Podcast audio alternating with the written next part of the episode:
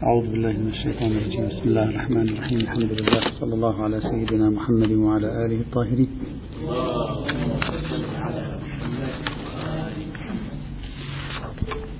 وصلنا في تحليل والمناقشة مع نظرية أو قاعدة العدالة خاصة بشكلها الذي طرحه الشيخ الصانعي حفظه الله.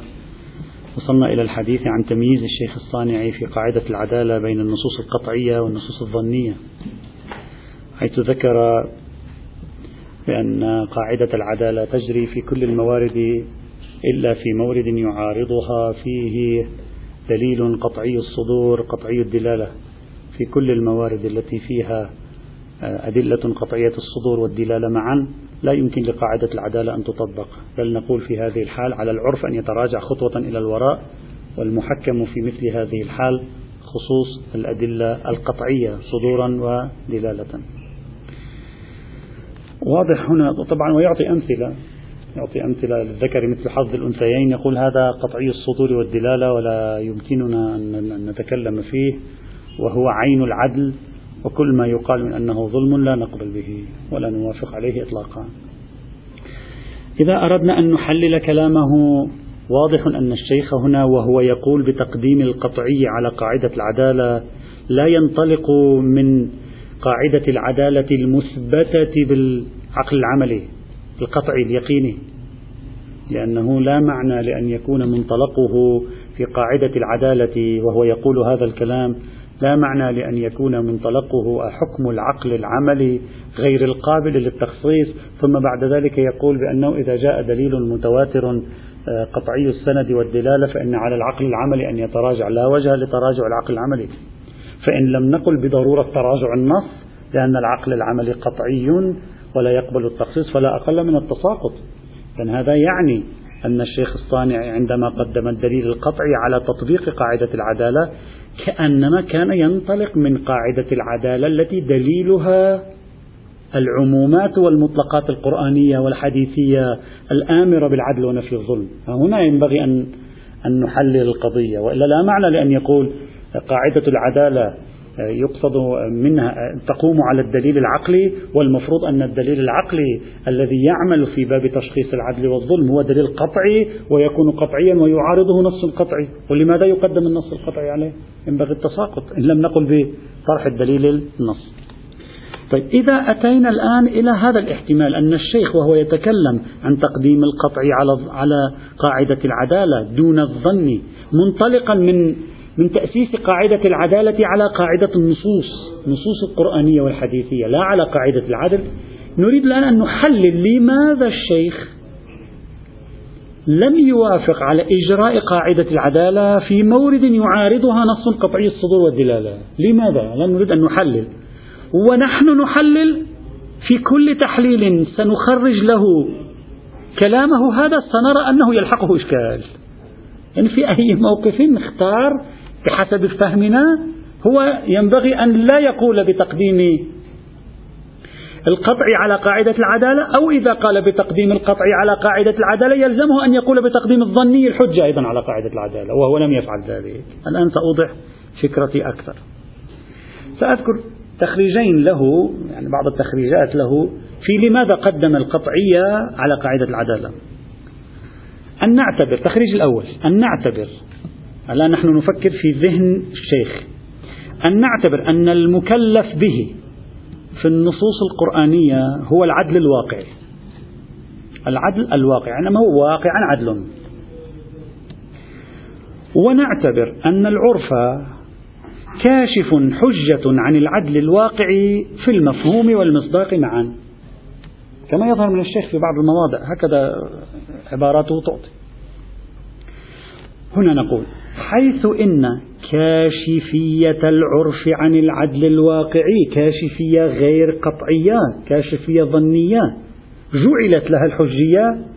فإذا عارضت هذه الكاشفية الظنية التي جعلت لها الحجية عارضت دليلا قطعي الصدور والدلالة فمن الطبيعي أن يقدم الدليل قطعي الصدور والدلالة.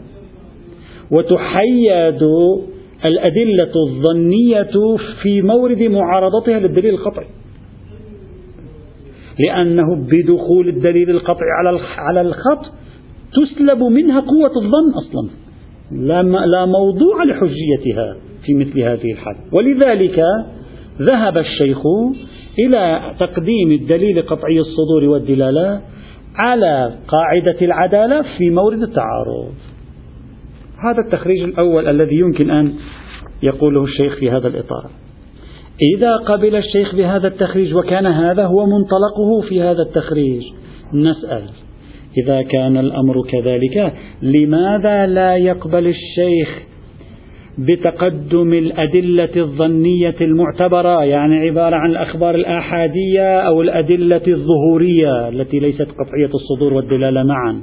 لماذا لا يقبل بتقديمها على قاعدة العدالة؟ أو على الأقل لماذا لا يقول بالتساقط؟ بل يقول بتقديم مفاد قاعدة العدالة على النصوص الآحادية أو على النصوص الظهورية. هذا دليل ظني حجة وهو الظهور الحجة أو الخبر الحجة. وهذا أي كاشفية العرف عن العدل الواقعي. دليل ظني حجة ومعتبر. تعارض دليلان ظنيان حجتان ومعتبران. إن لم نقل بأن الأدلة الظنية الأخرى كاشفة عن خطأ العرف في تشخيصه أو حاكية عن خطأ العرف في تشخيصه فلا أقل من التساقط. فلماذا يذهب الشيخ في موارد تعارض الأدلة الظنية الآحادية والظهورية مع قاعدة العدالة؟ يقول ينبغي تطبيق قاعدة العدالة والعمل بقاعدة العدالة. ما وجه التقديم حينئذ؟ لا نجد وجها للتقديم على وفق القاعدة في مثل هذه الحال. لا يوجد حكومة. بالعكس إذا يوجد حكومة لذلك أنا قلت لصالح الأدلة التي يعني الدليل حجية الخبر الآحادي يجعل الحجية للخبر الآحادي الذي يريد أن ينبئني عما صدر من الشارع عما قاله الشارع ويرتب عليه آثار العلم.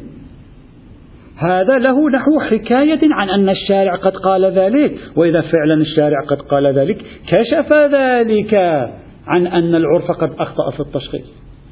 يعني أقرأ لا أريد أن أتبنى هذا أقول لو لم يكن هذا هو الأقرب لا أقل من جهة هذا أخص فلا أقل التساقط. لماذا يقول نحكم قاعدة العدالة ونقدمها على الأدلة الظهور الظهورية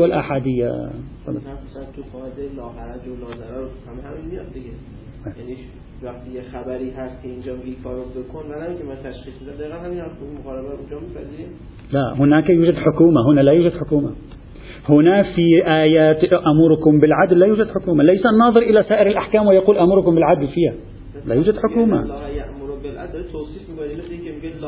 لا توصيف هذا بضرر الشيخ. لا تجعله توصيفا. إذا جعلته توصيفا صار معنى الآية ما يأمر به الله فهو عدل. هذا لا ينفع الشيخ. لا لا يمكن لا, لا ضرر ناظرة إلى جميع الأحكام الأولية ناظرة إليها وتقول إن عرض عليها الضرر أنا أسلبه. كأن الله يأمر بالعدل والإحسان ليست ناظرة إلى سائر الموارد تأمرك بأن تعدل فقط ليس لها نظر إلى سائر الموارد ليس فيها خاصية النظر إلى سائر الموارد. تقول إن لم تكن عادلة فإن كانت عادلة فخذوا بها وإن لم تكن عادلة. ليس هو تأسيسي. هو يعلن أننا مأمورون بالعدل ويقول اذهبوا اعدلوا. يعني هو تأسيس لعملية العدل. لا نريد أن يقول تلك الأحكام التي جاءتكم ووصلتكم في الشرع أو هي موجودة في أصل الشرع. إن كانت عادلة فخذوا بها وإن لم تكن عادلة فأنا إن الله يأمر أسحبها من تحتي. ليس يوجد فيها نحو لسان حكاية أو لسان نظر حتى نتكلم بالحكومة في هذا. والغريب أن الشيخ يعني رأيت له عدة مواضع في بعض المواضع يقر أن العرف يخطأ. هو يقول يقول العرف قد يخطأ وعلينا أن نفهم العرف ونصوبه. متى؟ إذا عارض فهم العرف النص الصحيح الصريح. إذا عارض فهم العرف النص الصريح الصحيح علينا أن نخطئ العرف ونقول له أنت أخطأت. هذا يقبل به. من جهة ثانية يصر على أن العرف لا يخطأ. وعندما قيل له شيخنا في نهاية المطاف بعض الأعراف في بعض محاوراته بعض الأعراف ترى بعض الأمور الواردة في ألسنة الآيات والروايات ظلما. مما هو صريح الدلالة قطعي السنة تراه ظلما. يقول لا لا يروه ظلما. كيف؟ يقول هو ليس بظلم. ثم يقول أنا أراه عدلا. ثم يصرون عليه ويقولون أنت تراه عدلا. الآخرون قد يرونه ظلما. فيقول العرف لا يشتبه. العرف لا يعرف صورة القضية. ولو عرف صورة القضية لحكم بالعدل في هذا المورد. إذا العرف لا يعرف صورة القضية في بعض الموارد ما الفرق بينه وبين الاشتباه؟ هو هذا الاشتباه. يعني بمجرد نقل القضية من الحكم الاشتباهي إلى فهم الموضوع اشتباها. ولا يغير من واقع الأمر شيء العرف يخطأ إذا وليس حاسما ونهائيا في في مجاله هنا. إذا الصورة في كلام الشيخ يبدو عليها أنها متأرجحة بين أن العرف يخطأ أو أن العرف لا يخطأ. ويرى ويصر على أنه لا يمكن أن يخطأ العرف. وإذا أخطأ فهو يحكم على موضوع آخر. هذا يذكرني بالعلامة الطبطبائي في نظريته في خطأ المعرفة. يقول العقل لا يخطأ أبدا. العقل لا يخطأ. العقل في كل ما يكون صحيح. لكن مصب حكمه يكون في مكان خطأ. هو لا يخطأ. ومصب حكمه يكون في مكان خطأ. وله نظرية آه، أطروحة معقدة في في في كتاب أصول الفلسفة والمذهب الواقعي هذا نفس الشيء. يريد أن يقول العرف لا يخطأ. يا بقى نحن نرى العرف يخطأ. العرف اليوم منظرون اليوم أعراف اليوم تقول بأن من الظلم ليس فقط أن ترجم آه، المرتكب فاحشة اللواط من الظلم أن تعترض عليه وتحقره. يعتبر هذا ظلما في بعض الأعراف اليوم وليس ظلما عفويا ظلم منظر له ينظر له وله تخريجات أخلاقية. اليوم أمثال الدكتور آرش نراقي وله سلسلة صار من المقالات التي كتبها وينظر لأخلاقية المثلية الجنسية. وهؤلاء ينظرون ولهم جمهور كبير. ثم يقول العرف لا يخطأ. ويقول لا يوجد ظلم هنا. خب في رأيك أنت لا يوجد ظلم. لكن في رأي الآخرين يوجد ظلم. وأنت لأن النص الصحيح الصريح يقول بأن هذا عدل لم يحصل لديك قناعة بالظلم. وإلا أنت قليلا لو تحررت قليلا لرأيت أن هذا عبارة عن يعني لو كنت فقط عرفيا ورجعت إلى مرجعية العرف نفسه لرأيت أن العرف في بعض المواضع يرى أن هذا ظلم. أما أن تقول لا العرف القضية ليست كذلك العرف لا يعرف صورة الموضوع فهذا لا يغير من واقع خطأ العرف آه، شيئا هنا. إذا الحالة الأولى أن يكون الشيخ أخرج معارضة الدليل القطعي لقاعدة العدالة بسبب أن قاعدة العدالة تعطي الحجية للظن الآتي من كاشفية العدل العرفي عن العدل الواقعي. إذا كان الأمر كذلك فلماذا يرجح الظن الآتي من الكاشفية هذه على أخبار الآحاد والظهورات لا ينبغي له كان أن يرجح ونسبتها إلى تلك الأخبار والظهورات ليست نسبة الأخص إلى الأعم ولا يوجد لها نظر وحكومة. إذا هذا أولا ثانيا أن نعتبر أن المكلف به في الخطابات القرآنية هو العدل العرفي. أصلا ما في شيء عدل اسمه عدل واقعي. لا يوجد عدل واقعي. العدل العرفي كما هو ظاهر الشيخ الصانعي في بعض آخر من كلماته. أنا دائما أقول أن يعتبر هذا أو يعتبر هذا لأن بعض كلماته توحي بأن حجية العدل العرفي من باب كاشفيته عن العدل الواقعي. وبعض كلماته توحي بأن حجية العدل العرفي من باب أن المكلف به هو العدل العرفي. إذا قلنا بأن المكلف به هو العدل العرفي وحذفنا جانبا العدل الواقعي ولم يكن هناك تلازم بين العدل العرفي والعدل الواقعي الشيخ يقول أقدم الدليل القطعي على مرجعية العرف لأن ليش تقدم إذا الدليل القطعي على مرجعية العرف؟ إذا كان المكلف به بقوله تعالى إن الله يأمر بالعدل والإحسان هو العدل العرفي والعدل العرفي تحقق هنا. العرف يقولون هذا عادل وذاك ظالم. لماذا ترفع اليد عنها عن أن الله يأمر بالعدل والإحسان؟ لأجل أمر دليل قطعي الصدور والدلالة. لا وجه لكلامه إلا أن يقول بأن الدليل الدال على لزوم العمل بالعدل العرفي عام غير آب عن التخصيص. لا بد أن يقول هكذا. يعني نفس الدليل الذي قال لي أنا آمركم بالعدل العرفي هو دليل عام وهذا الدليل العام ليس آبيا عن التخصيص. لأن العدل العرفي ليس هو العدل الواقعي حتى يأبى عن التخصيص. ليس آبيا عن تخصيص فالخبر القطعي السندي والدلالة يقيد عمومات العمل بالعدل العرفي فيخرجه من دائره. هذا وجه آخر. ربما يكون هو مرجع ما ذهب إليه الشيخ من تقديم القطعي على قاعدة العدالة. ربما يكون هكذا. إذا صح هذا الكلام يلزم على الشيخ أن يقبل بتخصيص الأخبار الآحادية لعمومات إن الله يأمر بالعدل العرفي. لا نفس الشيء. وإن الله يأمر بالعدل العرفي صار عاما كما يقيده دليل خاص قطعي الصدور والدلالات. أي مانع أن يقيده أيضا دليل خاص حجة معتبر ولو لم يكن قطعي الصدور والدلالات. ما الفرق بينهم؟ مثل أي عام موجود في القرآن. مثل كل العمومات الموجودة في القرآن. العمومات الموجودة في القرآن. نستطيع أن نقيدها بدليل قطعي. نستطيع أن نقيدها بدليل ظني معتبر. والشيخ يقبل بتخصيص عمومات القرآن بأخبار الآحاد المعتبرة. هو يقبل. هو من القائلين به. لا يعارضه. وإذا كانت القضية أن عندي عاما قرآنيا يأمر بالعدل العرفي وجاء نص قطعي وقال هذا ليس من الشريعة في شيء فأخرجناه من تحت دليل العدل العرفي. هو نفس الشيء لو جاء دليل حجة آخر.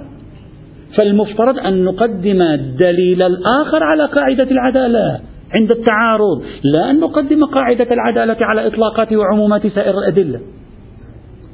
فيها إلا إذا قال عندي حكومة في هذه الأدلة ونظر إلى سائر الأدلة وإحراز النظر هنا غير واضح. واضح الآيات بصدد أن تحث الناس على العدل فقط لا بصدد النظر إلى سائر الأحكام لكي تقول ما كان منها عدل فخذوه وما لم يكن منها عدل فاتركوه.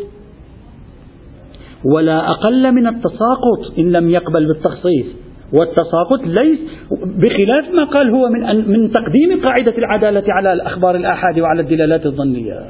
فعلى أي وجه قال الشيخ لا يبدو كلامه واضحا في هذا السياق. هذه إذا النكتة التي دفعت الشيخ لتقديم القطع على قاعدة العدالة تلزمه هذا نتيجة كلامي تلزمه منطقيا بتقديم سائر الأدلة على قاعدة العدالة. في حين هو لم يقل بذلك هو قال بالعكس قال قاعدة العدالة تقدم على سائر الأدلة تقوم بتخصيصها وتقييدها مطلقا إلا إذا كانت تلك الأدلة قطعية. النقطة الأخرى التي أيضا لا بد أن نتوقف عندها في نظرية الشيخ الصانع بالخصوص وأيضا نظرية الشيخ شمس الدين هنا. وهي إشكالية يطرحها خصوم نظرية أنصار العدالة. سنرى هل هذه الإشكالية صحيحة أو لا. حاصل هذه الإشكالية أنه يلزم لو جعلنا المرجع في العدل والظلم هو العرف يلزم الفوضى. أنت, أنت, أنت تدرك نتيجة ما تقول؟ أيها القائل بقاعدة العدالة تعرف نتيجة قولك ما هو؟ نتيجة قولك هذا يقول أنا أرى هذا عدل فيخرجه عن عن الأدلة اللفظية وهذا يقول لك أنا أرى هذا ظلم عفوا هذا عدل. فإذا كانت الشريعة نهت عنه فيرفع النهي وهذاك يقول هذا ظلم فإذا الشريعة أمرت به يقيد إطلاق الشريعة. على هذه الحال كل واحد يرى يشخص هو عرفه يقول أنا أرى هذا عدل أنا أرى هذا ظلم. وتختلف الناس في التشخيص. يعني لا نريد أن نختبئ وراء إصبعنا ونقول الناس لا تختلف في تشخيص العدل والظلم. إلى يومك هذا في كل أصقاع الأرض البشرية مختلفة في كثير من المفردات العدل والظلم. نعم مشتركة في شيء لكن ليست متفقة في جميع الأشياء. على كلام الشيخ يلزم الفوضى. هكذا أشكال المستشكلون. يلزم الفوضى. هذا يقول أنا أرى العرف يقول هذا عدل وذاك يقول لك أنا أراه ظلم وبالتالي بعد لا نستطيع أن نصل إلى معيار نثبت به الشريعة. هذا إشكال. إلا أن هذا الإشكال في تقديري غير صحيح ويمكن أن ندافع عن الشيخ فيه وعن ال... الذين قالوا بقاعدة العدالة. أولا مجرد حصول اختلاف في التطبيق لا يعني أن القاعدة باطلة.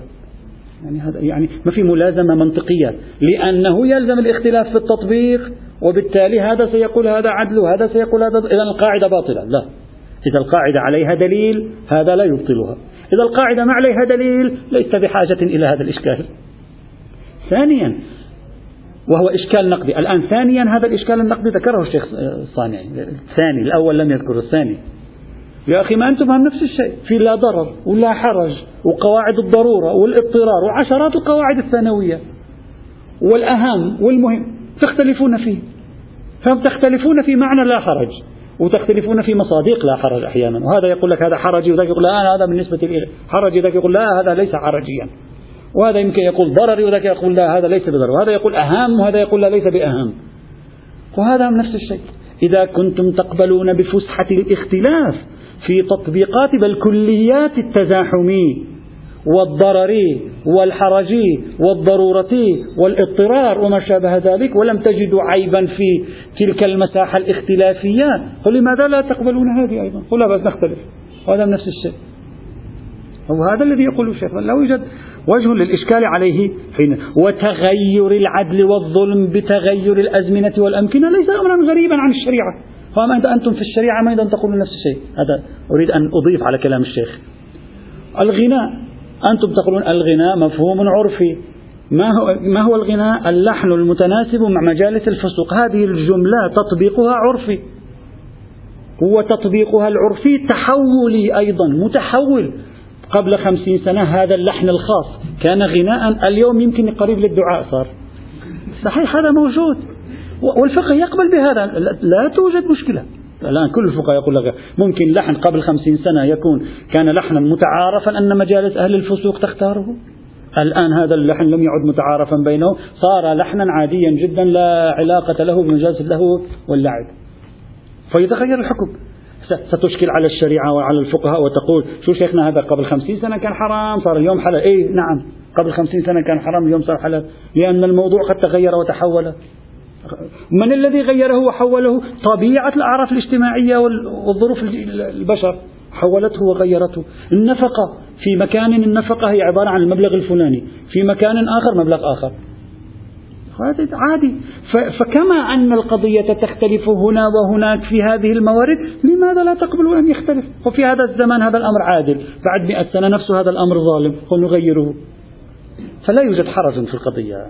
إذا هذا الإشكال لا يصلح. لكن أريد أن أذكر شيئا لم يذكروه. للتأمل لا أريد أن أجعله إشكالا في الحقيقة. أريد أن أجعله للتأمل والانتباه إلى طبيعة نظرية العدالة. وهو عندما تقول بأن تنزيل القيم الأخلاقية على الوقائع الزمنية هو تنزيل عرفي. عندما تقول أنت القاعدة فيه هو التنزيل العرفي. والتنزيل العرفي هو المحكم. ما معنى هو المحكم؟ يعني هو الحاكم على الأدلة الأخرى الشرعية كلها إلا الأدلة القطعية الصدور والدلالة وبتكون يعني والدتك داعيت لك في ليلة القدر إذا يعني كان عدد الأدلة قطعية الصدور والدلالة مثلا عددها كبير هم الفقهاء أنفسهم يقولون عددها قليل إذا أنت لما تؤسس قاعدة العدالة ماذا تفعل؟ تجعل العرف هو المرجع في القيم الأخلاقية وتنزيلها وتجعله حاكما على كل الأدلة الشرعية باستثناء مقدار بسيط من الأدلة الشرعية القطعية في الصدور والدلالة. خلي خلي خلي خط تحت كلمة الدلالة لأن الإطلاقات والعمومات هم ظهورات غالبا عندهم. إذا كان الأمر كذلك تأمل معي جيدا أخي العزيز. إذا كان الأمر كذلك معنى ذلك أنك تجعل قيم القيم الأخلاقية بيد العرف ولا تجعل الشرع هو الذي يكون لك هويتك الأخلاقية. يعني بمرور الزمان لو تأملتها دعني أسميها من زاوية توقعية علم اجتماعية. يعني أنت لو رصدت هذه التجربة تصور معي مجتمعا العدل العرفي القيم العرفية هي الحاكمة. في مفهوم العدل وفي مفهوم الظلم وفي مفهوم الإحسان وفي مفهوم العمل الصالح. كل هذه القيم العرف يمسكها والعرف يفسرها والعرف ينزلها وفي كل ذلك حجة. والعرف يقوم في ذلك كله بتكبيل يد النصوص إذا عارضته. بعد جيل أو جيلين أو عشرة أو عشرين أو ثلاثين ما الذي سيحصل في تقديرك؟ الذي سيحصل أن الشريعة والدين على المستوى الشرعي نتكلم لا على المستوى الدين الإلهي. الشريعة لن تكون هي التي تشكل حياتك الأخلاقية والاجتماعية. بالعكس تماما. أنت ستشكل حياتك الأخلاقية والاجتماعية والشريعة لن يكون لها أي دور لأنك أنت الذي تخضع للتحولات وتتغير عندك الأعراف وتتحول مفاهيم العدل والظلم عندك ومصادقها وكلما تحولت أنت على الشريعة لا تستطيع أن تعارضك. لا تستطيع لأنك أنت تستطيع أن تقيدها. أنت تقيد ليس تستطيع يجب أن تقيدها. وبالتالي كلما جاء جيل لديه منظومة فكرية جديدة وقام بتنزيل منظومته على الحياة الثقافية والاجتماعية للناس وخلق ثقافة جديدة وقيما جديدة واعتبرها هذه مصادق العدل والظلم لم يكن بإمكان الكتاب والسنة أن يقولوا له توقف. لا يستطيعون إلا الدليل القطعي السند والدلالة. وهذا بحسب المآلات تفريغ الدين من عن أن من أن يقوم هو بتشكيل هويتك الحياتية. يعني حقيقة عملا هذا الذي سيصير. أنا لا أقول هذا اعتراض. إذا ثبت بالدليل فلا بأس. الله يريد ذلك. ما عندي مشكلة. أنا شخصيا ما عندي مشكلة. إذا ثبت بدليل حتى هذا ما عندي مشكلة فيه إذا ثبت بدليل لكن أقول فلنتنبه إلى أن هذا مرجعه إلى أن الدين يصبح مجرد تجل لثقافة الإنسان. وليس الإنسان يصبح سائرا على وفق ثقافة يقوم الدين بصنعها. وهذه نقطة لا بد من الانتباه إليها. أعيد وأكرر ليست إشكالا بقدر ما هي آه، تنبيه لأننا سابقا في العام الماضي تكلمنا عن وجود ثلاث مدارس أساسية أو أربع مدارس على ما أذكر. مدرسة تجعل الدين مهيمنا على الثقافة هو الذي يكون الثقافة والقيم هو الذي يربي عقول الناس على نمط من القيم. ومدرسة أخرى تجعل الدين موجودا لكنه تربيه ثقافة الإنسان. يعني الإنسان بتفاعلاته الثقافية المتحولة جيلا بعد جيل هو الذي يقوم بصياغة الدين تبعا لثقافته. نحن الآن مع نظرية العدالة يجب أن ننتبه ممكن يصل الأمر إلى هذه النتيجة. هلا إذا في دليل أنا ما عندي مشكلة. ما في دليل فلنلتفت فقط نتنبه إلى حجم حساسية هذا الموضوع فقط. ولعل القائلين بالفوضى إشكالية الفوضى هذه التي قالوا يلزم الفوضى وكل واحد بشخص لعلهم يريدون هذا لكن ما استطاعوا أن يعبروا عنه لعلهم وإن كان عبارتهم لا تعني ذلك. نعم هذا معناه تحول كل القيم الدينية إلى قيم بشرية. وخضوع جميع القيم حينئذ إلى القيم البشرية. يعني هذا إلا في الأدلة القطعية. وتعال بعد إذا جيت تثبت لي دليل قطعي في باب الدلالات خاصة مع وجود الإطلاقات الأزمانية. أنت كل دليل مهما كان قويا في قطعيته الصدورية والدلالية يبقى فيه الإطلاق الأزماني. يعني الإطلاق الأزماني طلقة خفيفة يمكن أن تهدمه على هذه الحالة. صحيح؟ لا لا أنا لا أجامل هنا.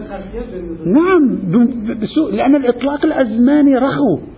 بإمكان شخص أن يأتي يقول لك هذا كان في ذلك الزمان كان هناك عدل الآن هذا صار ظلما لا. وبالتالي أشك في انعقاد هذا الإطلاق يصبح ظهور.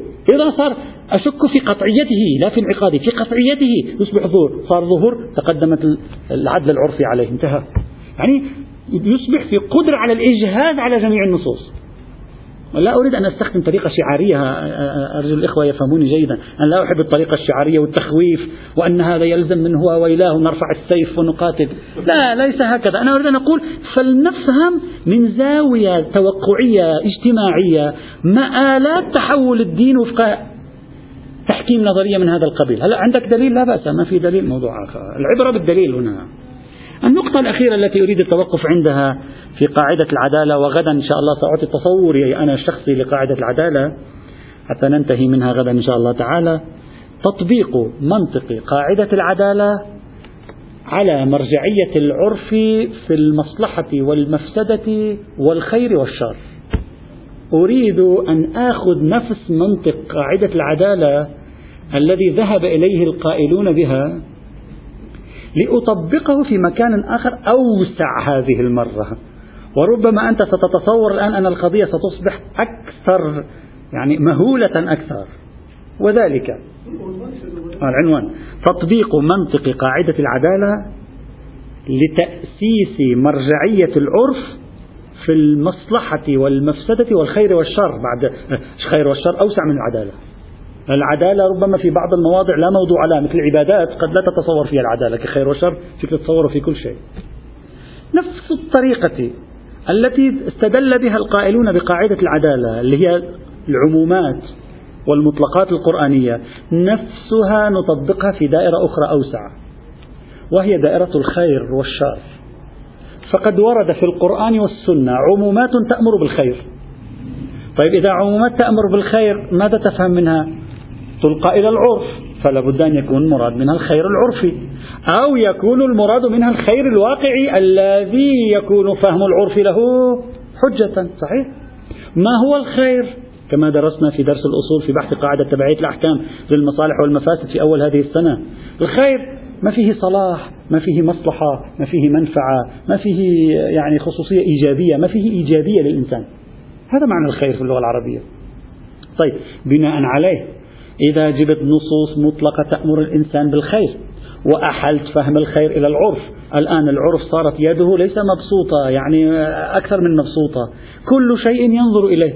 إن رأى فيه صلاحا مش عدلان أحيانا يمكن موضوع العدل ما يكون موجود. إن رآه صالحا نافعا مفيدا يقول نظري هو الصحيح والشريعة إذا نهت عنه أقول لها كف يدك. وإن رأيته فسادا ليس نافعا ليس من ورائه مصلحة. الشريعة التي تأمر بها أقول لا اترك لأن الشريعة لا تأمر بما ليس فيه مصلحة. فنجمدها. وبالتالي أعطينا العرف. طبعا العقل ما في مشكلة. أعطينا العرف والفهم العقلائي العرفي لا العقلاء العام العرفي أعطيناه مرجعية البت ليس في موضوعات العدل والظلم بل أيضا في كل موضوعات الشريعة. في أن يشخص هو ويقول هل هذا نافع أو ليس بنافع؟ هلا ممكن يشتبه في التشخيص. إن لم يعارضه دليل قطعي يعمل. وبالتالي ال ال ال ال ال الأخ العزيز لا إله إلا الله. أحيانا فقط لأجل الترويح يعني إحنا درسنا متأخر فشوية للترويح. مولانا العزيز الحبيب برقيبة عندما قال الصوم للعمال مضر بالإقتصاد وبالصالح العام. شخص. شخص خيرا وشرا في حياة التونسيين إذا حصل على يقين افرضه فقيه حصل على يقين أو حصل على ليس يقين حصل على تشخيص. حصل على تشخيص أن هذا عرفا يلحق الضرر وليس بخير وليس بصلاح بإمكانه يجمد الإطلاق الأزماني للصوم. ترى لا لا مش إطلاق أزماني أزماني وأفرادي لأنه يقول بتجميد الصوم فقط للعمال ولا يقول لكل المسلمين للعمال فقط. فهم قيده زمنيا وأفراديا. ولا بأس ظهور بالإطلاق. إذا على هذه الحال فتحنا الدائرة وتقول لي وين هالعمومات؟ أقول لك في عدد كبير من الآيات القرآنية. سريعا أقرأ لك بعضها. قال تبارك وتعالى يا أيها الذين آمنوا اركعوا واسجدوا واعبدوا ربكم وافعلوا الخير لعلكم تفلحون. مثل إن الله يأمركم بالعدل والإحسان. وقوله تبارك وتعالى وما تقدموا لأنفسكم من خير تجدوه عند الله. نفس الشيء. وقال تبارك وتعالى وما تفعلوا من خير فإن الله به عليم حث على الخير. وقال تعالى يوم تجد كل نفس ما عملت من خير محضرا من خير. وقال تبارك وتعالى يؤمنون بالله واليوم الآخر ويأمرون بالمعروف وينهون عن المنكر ويسارعون في الخيرات. حث على المسارعة في الخيرات. وأولئك من الصالحين وما يفعلوا من خير فلن يكفروه. وقال تعالى إن تبدوا خيرا أو تخفوه أو تعفو عن سوء فإن الله كان عفوا غفورا آه، قديرا. وقال ولكل وجهة هو موليها فاستبقوا الخيرات. أمر. أينما تكونوا يأتي بكم الله جميعا. وفي آية أخرى فاستبقوا الخيرات إلى الله مرجعكم جميعا. وفي آية أخرى وجعلناهم أئمة يهدون بأمرنا وأوحينا إليهم فعل الخيرات. يعني يفعلوا الخيرات. إذن هذه الآيات القرآنية ومعها إلى ما شاء الله من الروايات الشريفة عند جميع المسلمين في الحث على فعل الخير. إذا كان طريقة الاستدلال التي قالها أنصار قاعدة العدالة صحيحا يلزمهم هنا أيضا أن يقولوا بذلك. وبالتالي تصبح مجمل الشريعة في جميع أطرافها خاضعة للعرف الإنساني. وليس العرف الإنساني هو الخاضع لتوجيه الشريعة. وهي التي تربيه على أين هو الخير وأين هو الشر وأين هو العدل وأين هو الظلم. هلا أقول هذا ولعل الطرف الآخر يكون حاله كحال ذلك الأشعري مع المعتزلي. لعل الطرف يقول نعم أقبل. لعله لا, لا أعرف لا أعرف. لكن فقط أريد أن أوضح لو كان الأمر كذلك دخلنا في مكان ينبغي التنبه له واهتمام به لنعرف أين هي مآلات النظرية التي نسوقها في هذا السياق. وهل فعلا يفهم من هذه الآيات؟ بنفس ما يفهم من آيات الأمر بالعدل بالطريقة التي أرادها القائلون قاعدة العدالة أو لا. هذا الأشعري والمعتزلي تعرفون قصتهما. هذا المعتزلي كل ما يناقش الأشعري يقول له هذا يلزم منه القبيح على الله. يقول له القبيح على الله ما في مشكلة. لا لا قبيح على الله. يلزم منه الله يترك الحسن الأمر الحق يقول له ما في مشكلة. ما في حسن وقبيح. قبيح وحسن ما في حبيبي. وأنت تبحث عن قبيح وحسن. فهذا المعتزلي المسكين كيف يقنعه؟ هو علم الكلام عند المعتزلة كله قائم على الحسن والقبح تشيل الحسن والقبح مثل المبنى ينهار بأكمله حقيقة. جوهر علم الكلام عند المعتزلة وحتى عند الإمامية نظرية الحسن والقبح. إذا تقوم بتدمير هذه النظريات يعني دخلنا في في مكان يجب إعادة تكوين علم الكلام مرة ثانية. طبعا ليس كلها. نقط المركز الأساسي منها وهذا ليس فقط توصيفي لا, لا لست مبتكرا في هذا هذا ذكره جماعة من الباحثين ليس آخرهم دكتور مصطفى أمريكان هم لديهم تخريجات النص. النص يقول الله حكيم الله حكيم. النص يقول الله خير الله خير. النص يقول الله عادل الله عادل. من هنا نبدأ. وذاك المعتزل يشكل عليه تقول له كيف عرفت أن الله صادق في قوله إنه عادل؟ وتبدأ المعركة على هذا. نتيجة البحث في قاعدة العدالة أو تصورنا الشخصي لقاعدة العدالة حدودها وما ينبغي أن يؤخذ منها أو لا يؤخذ غدا إن شاء الله تعالى. والحمد لله رب العالمين.